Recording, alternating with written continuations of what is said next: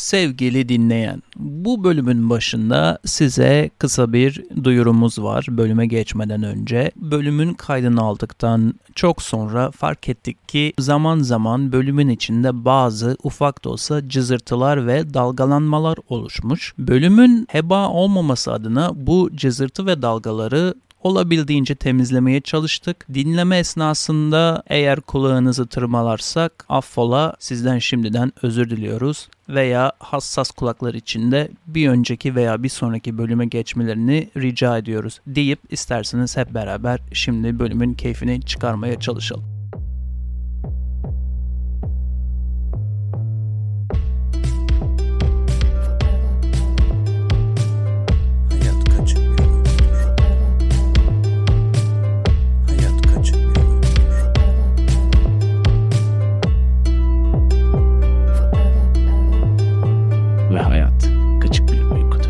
HKBU Podcast'in bir başka bölümüyle daha beraberiz. Ben okyanusun bir taraflarında Kuzey Kaliforniyalarda Samet mikrofonun diğer ucunda sevgili Nazım Cihan'ım var. Her zamanki gibi veya çoğu zamanki gibi İstanbul ekseninde sarı mikrofonuyla adeta bir karanlık gölge silüetiyle güneşin vurmasıyla beraber kamerasına. Bizlerle ne yapıyorsun Cihan'ım? Seni böyle bir farklılık yapıp pazar sabahı mikrofon başına oturtturduk. Beni de böyle cumartesi gecesi e, sedalarında bulduk diyelim. Nasıl gidiyor sabahın? Valla gözümü açtım seni gördüğüm gibi oldu sevgili Sametçim ama hani böyle döngü, kayıt döngüsünü biraz bile değiştirsen şey gibi oluyor. Hani alışılmışın dışında olduğu için bir böyle değişik hissettiriyor gibi. Öyle uyandım. Bana da öyle oluyor. Bana da öyle Hatta, oluyor. Gece kayda almayı özlemişim. Aa, değil mi? Doğru. Gecenin karanlığı senin için. Ayrıca da soğuğu da diyebiliriz yani sonuçta garajındasın ve neler yapıyorsun? Nasıl keyifler? Üşüyor musun öncelikle bölümün başında bunu da anlamış olalım. yok yok garaj yavaştan ısınmaya başladı. Üşümüyorum ama full yağmurlu ve yoğun bir gün geçirmiştim. Sabah 8'den akşam 5-6'ya kadar evde yokken tam seninle kayıt tuşuna basmak üzereyken Lori'nin arkamdan garaja Sabotaj. gelip de bütün kedilere ıslak mama vermesiyle beraber bir koptuk senle.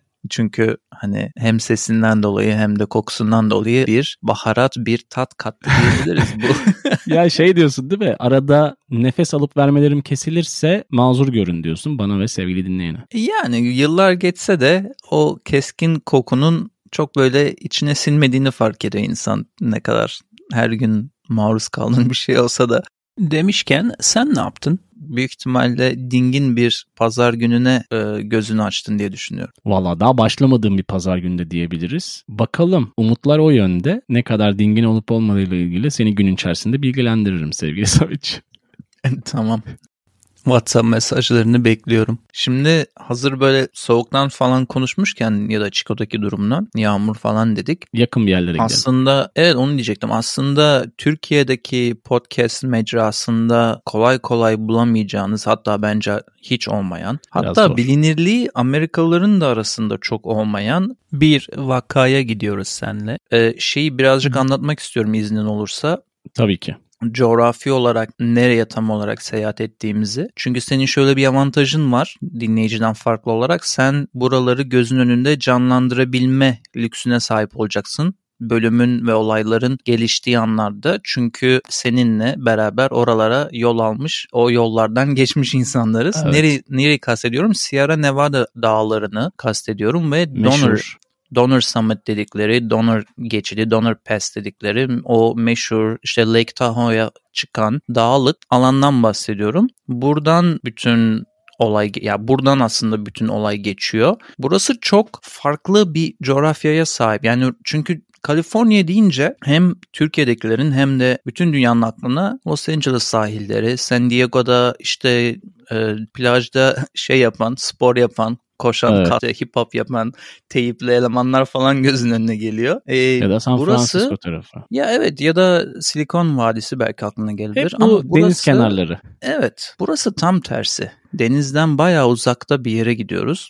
Kuzeyde Burası dağlara çıkıyoruz. Bayağı Nevada'ya yakın taraftan bahsediyorsun hatta şu an bize. Evet bir iki saat daha sürsek 2 saat demeyelim 3 saat daha sürsek arabayı I-80 dedikleri otobandan bu olayın geçtiği yerden Nevada'ya kolaylıkla girebiliyorsunuz. Burası dağlık olarak şöyle bir şey anlatmak istiyorum. Ee, sadece böyle normal bir dağlık yer değil zaman zaman çok keskin büyük granit taşların önüne çıktı. Çok farklı göllerin ortaya çıktığı e, bazen çok keskin dağlık yerlerin bir anda çok keskin indiği düşük şeye rakıma indiği sonra da yine çıktığı yerler buralar. Yani çok zor düz bir yer bulmak. O yüzden aynı zamanda yazın hem hiking için gözde bir yerdir hem de kışın kayak için çok gözde bir yerdir. Böyle bir yere gideceğiz. Bunu da niye böyle uzun uzun anlattım girişte? Olayın geliştiği yerdeki önemi çok daha bizim için anlamlı Hı hı. olacak. Resmi resmi gözümüzde çizmen için güzel oldu. Evet. Şeyi de sorayım sana hani bölümün içerisine yavaştan evrilmeden önce. Şimdi sevgili dinleyeni 1846 yılına götüreceğiz. Peki 1846 yılından 2024'e kadar gelen bir süreçte bu sarp ve geçilmez tarafı halen devam ediyor mu? Senin bahsettiğin hani hem kayak hem hiking için bayağı iyi bir yer dedin ve Sierra Nevada'da sıra dağlar aslında bayağı böyle o tarafı bıçak gibi kesen bir dağ kümesi. Şeyi işte merak ettim. Hala o geçilmezlik devam ediyor mu o rotada? Güzel soru Cihan'ım. Çünkü bunun devam etmediği çok açık. Çünkü çok büyük bir, bir otoman var I-80 dediğim. Aynı zamanda Hı hı. da direkt dağların içinden delerek geçen çok uzun bir tren rayları var. Ama bunun yani şu anda günümüzde böyle olmasının sebebi bir başka bölümde de kısaca bahsetmiştim Çinlilerden ve Amerikan Çinlileri nasıl kullandığından. Hı Ee, hı. burada Çinlilerin getirilip kullanılıp bu rayların döşenmesinde çalıştırılıp sonra da geri yollanması ile ilgili bir avantajı Amerika sonradan kullandı. Bizim olayın geçtiği zamanlarda bunlar olmasa da sonrasında günümüzde şu anda güzel bir soru. Arabayla da çok rahat gidebiliyorsunuz. E tabii kışın kar şartlarında zincir falan şart oluyor ama Yine arabayla tarz- da trenle de gidebiliyorsun. Yine o tarz çetin hani günümüz dünyasında bile zorlu bir rotadan bahsederken bundan yıllar yıllar önce 1846'ya hatta senin ara ara bölümlerde değmiş olduğun bu hani meşhur Kaliforniya'nın Gold Rush hani altın çılgınlığının olduğu dönemlere aslında yol alıyoruz diye düşünüyorum. Evet doğru diyorsun.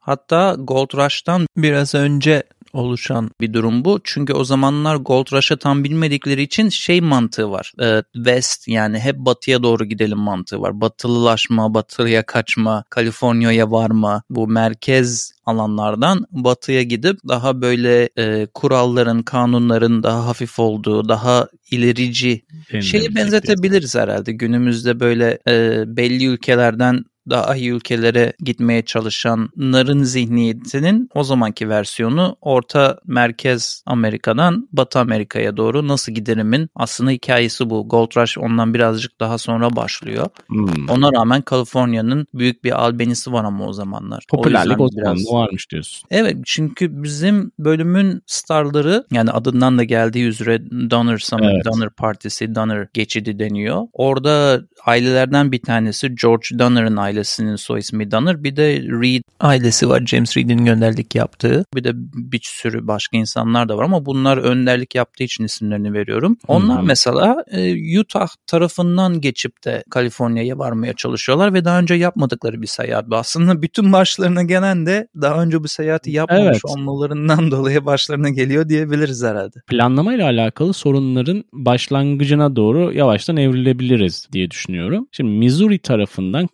Kaliforniya'ya olan bir yolculuktan bahsediyoruz şu an sevgili dinleyene.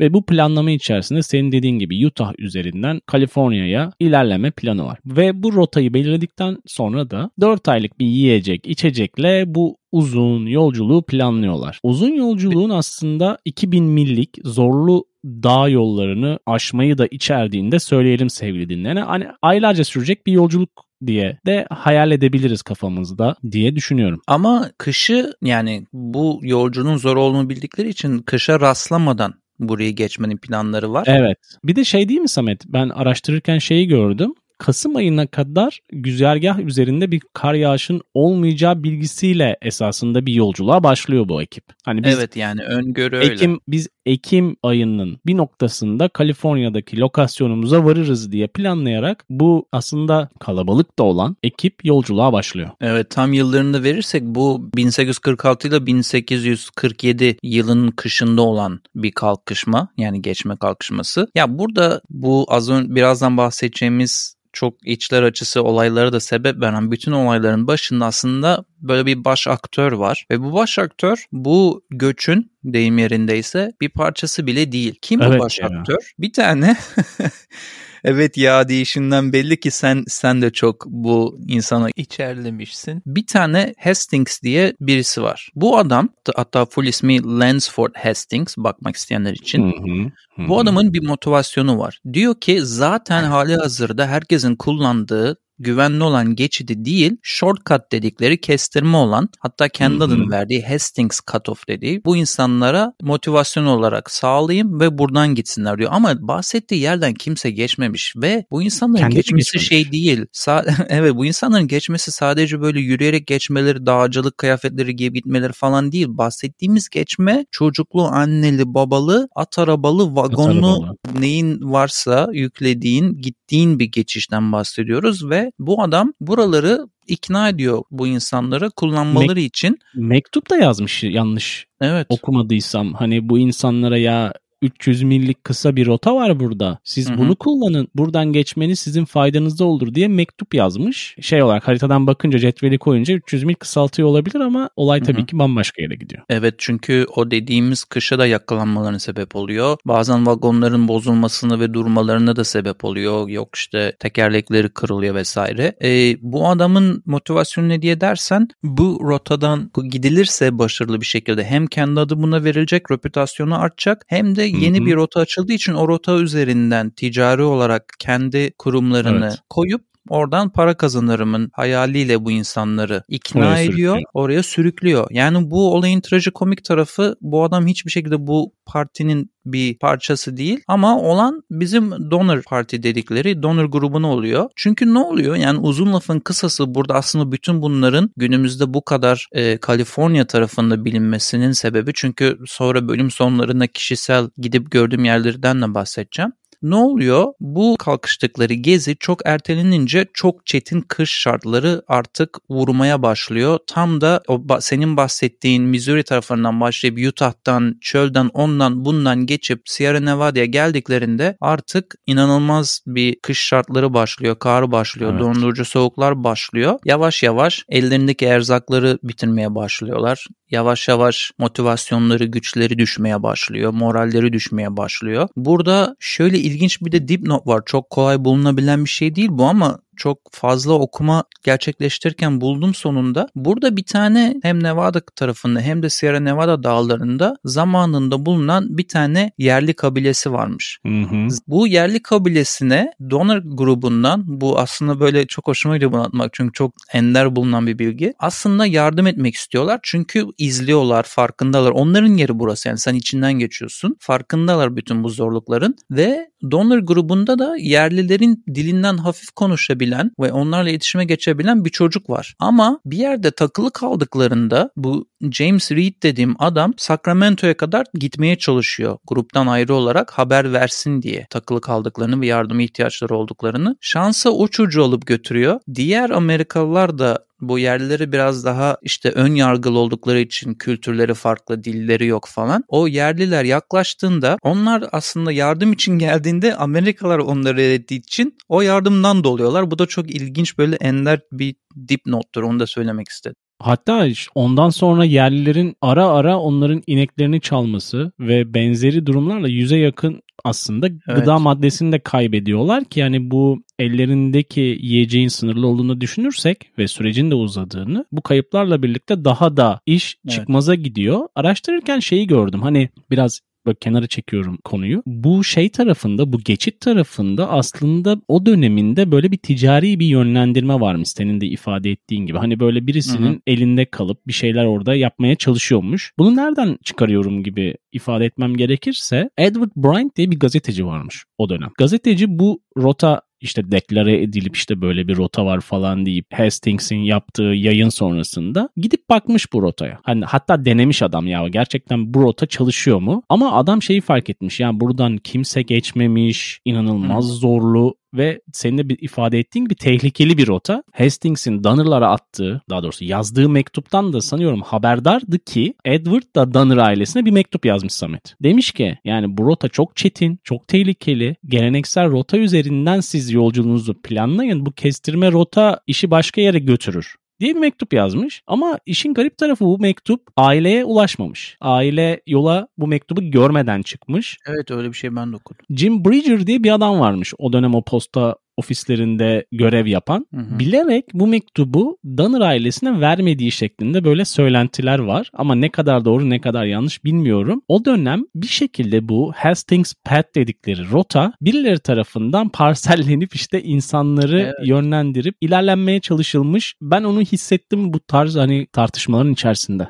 Ya bildiğin bu grubu yani bu 81 kişinin oluşan büyük grubu e, bir test grubu olarak kullanmışlar. Kobay olarak kullanmışlar. Kobay olarak edip. kullanmışlar. Buradan Evet. geçirtelim bunları demişler. Ama e, 3-4 tane ana etkeni söyleyeceğim. Neden çok trajik yere doğru gittiğine dair. Bir, gecikmeli bir başlangıç yapıyor bu grup. İki, seçtikleri rota sen şimdi açıkladın zaten ne kadar drama ve espiyonajın içinde olan Evet. bir rota olduğu. Üç, yetersiz e, erzak yanlarındaki çabuk bitiyor. Planlama Ve hatası. dört, evet ve dört deneyimsizlik. Bu dört etken yan yana geldiğinde faciaya zaten kucak açıyor. Yani bütün olayın bu taraflarda özellikle çok iyi bilinmesinin ve hatta bir sürü yere isminin verilmesinin sebebi artık hayatta kalmaya çalışırken burada bahsettiğimiz süreler aylar bu arada. Yani takılı kaldıkları yerde öyle 3 gün 5 gün takılı kalmıyorlar. E, tabii Ee, ki. Burada en can alıcı nokta e, aslında bazı kaynaklara göre kanibalizm yapmak zorunda kaldığı, kanibalizm veya işte Türkçe tam kelimesini bilmiyorum yapmak zorunda kaldığı olaylardan biri, kanıtlandığı olaylardan biri olduğu söyleniyor. Çünkü önce bazı insanlar işte frostbite, soğuktan,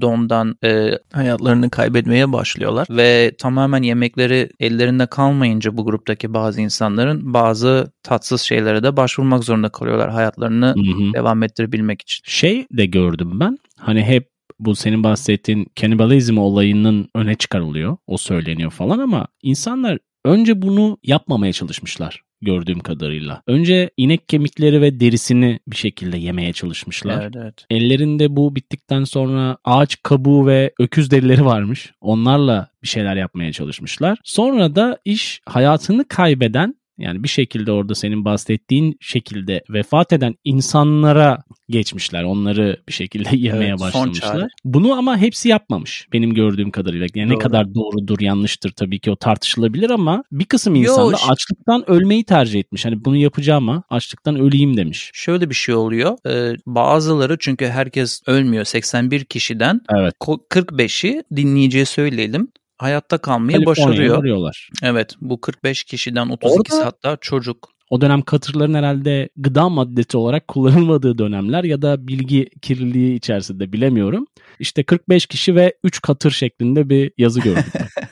Olabilir belki 3 katır ya oraya tamamlamış olabilir seyahat ondan ben de emin değilim ama ya şeyi diyecektim yani son çare olarak buna başvuruyorlar ve dediğin gibi bazı insanlar hayatını kaybediyor reddederek bunu yapmayı. Hı hı. Bazı insanlar zaten hayatını kaybettiği için onların üzerinden besin olarak yararlanmaya çalışıyorlar hayatta kalmak için. Ama şurada ilginç bir şey var. Bunların arasından bir tanesinin ha şey anlatıyordum. Niye kanıt olarak bunları Ha, rahatlıkla, su- rahatlıkla sunabileceğimizi. Çoğu döndüğü zaman hem terapi gördüğü için çünkü biliyorsun duygusal olarak çok zedelenmiş Evet. bir şekilde varıyorlar. Hem terapi gördüğü için terapi kayıtlarından hem de bazılarının yazdığı günlükten itiraf ediyorlar zaten Hmm. neler yaptıklarını. Ve o yüzden biz çok fazla bilgiye, bulguya sahibiz. Bir de karlar eridiğinde oraya araştırma için bir takım yolluyorlar. Bir e, işte komisyon yolluyorlar ve Hı hı. orada da zaten yapılan araştırmalarda bulunan bulgularda söylediklerinin hepsi destekleniyor. Yalnız bir şey biraz kafa karıştırıyor bende. Bir hizmetçi gibi, yardımcı gibi veya tam onlardan olmayan biri daha varmış grupta. Sanırım onu bir noktada artık hani e, Hmm. zor da anlatıyorum buraları. Buraları uyarı verelim ailesiyle çocuğu dinleyenler için. Hani Köşede artık kıstırıyorlar diyorsun. e, hali hazırda bulunan bir seçenek olmadığında e, öyle bir şeyi de oylama yaparak aralarında kararlaştırıp bir kişiyi de öyle e, maalesef kullandıkları kendi anlattıkları hikayelerde var. Ama ben bunu okuyunca şey dedim ya bunları böyle yaptıysalar ve anlattıysalar işte tutuklanan, yargılanan veya cezalandırılan falan oldu mu acaba dönünce diye o kısmına Hı-hı. baktım. Şimdi Olması o kısmını da anlatayım. Yani normalde günümüz şeyiyle düşündüğümüz için olması gerekiyor. Ama şöyle ilginç bir şey var.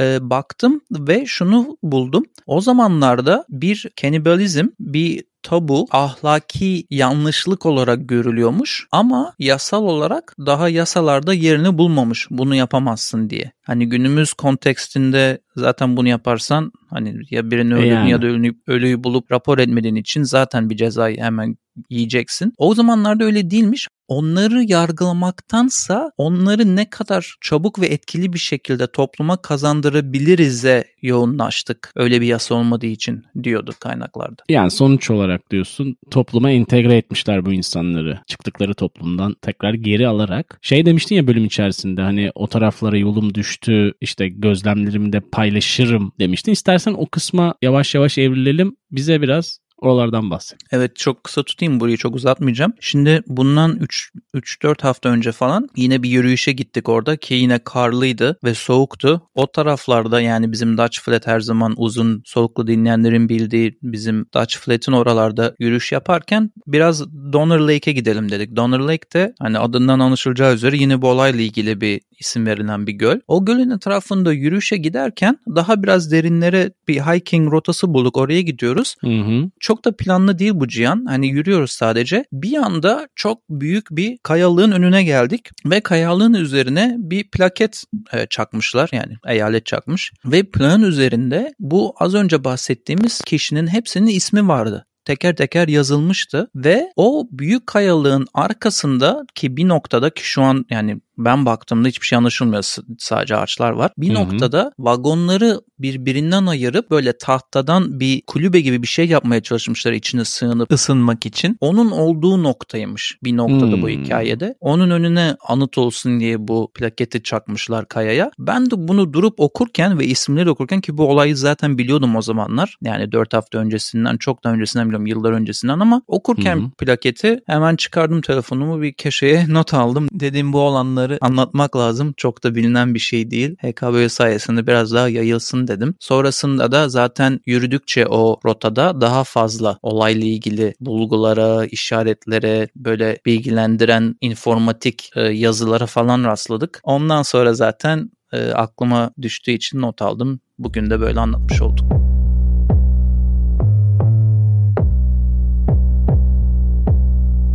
Ne öneriyoruz kısmıyla bir kez daha sen dinleyenin karşısındayız. Her zaman olduğu gibi bazı önerilerimiz var. Bölümle ve bölümle alakasız olmak üzere ve sevgili Samet karşımızda. Ben kendim kişisel olarak izlemesem de araştırma yaptığım için önüme çıktığı için dinleyiciye buradan önereceğim. Baktıklarına karar verebilirler ama iki tane hani ciddiye alabileceğimiz aslında daha fazla ikiden ama iki tane ciddiye alabileceğimiz yapım varmış. Birincisi 2009 yapımı direkt The Donor Party diye geçen dramatize edilmiş bir film aslında. Hani belgeselden ziyade. Diğeri de PBS'in yaptığı daha böyle belgesel direkt belgesel modunda olan 1992 yapımı American Experience The Donor Party isimli bir tane belgesel var. Dinleyiciye de bölümle alakalı bir öneri olsun bu. Onun dışında da lafı çok uzatmadan HKBO dinlencesi listesine hem Deezer hem YouTube hem de Spotify'da bulabilecekleri Cuddling grubundan Love Like This ama bunun akustik versiyonunu ekleyelim diyorum.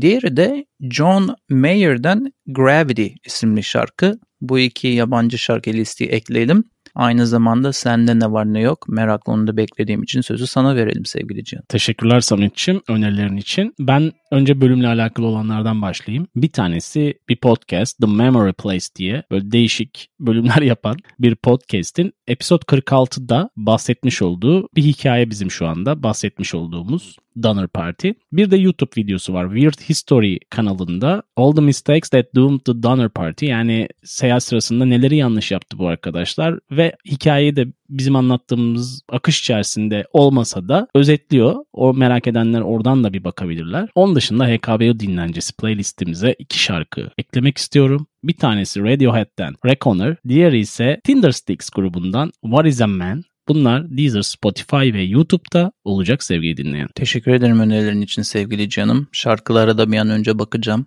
Bu aralar liste bayağı coştuğu için random alıp dinlemek çok çok keyifli oluyor. Çünkü adeta bir renkten bambaşka bir renge atlıyor şarkılar. Dipsiz kuyu. Arasında. Evet evet bayağı dipsiz kuyu. İstersen hatırlatmalarla, kısa hatırla- hatırlatmalarla bölüme veda edelim. Bunlardan birincisi ve en heyecanlısı herhalde artık sitede birkaç merch yani e, podcast'imize ait ürünlerin bulunması değil mi sevgili Cihan? Kesinlikle öyle. Sevgili dinleyenin ilgisini çeken ürünler varsa bize ulaşabilirler. Ayrıca hani zaman içerisinde bunların sayısı da artacak. Çünkü buradaki en büyük motivasyon sahibi sevgili co-hostum Samet.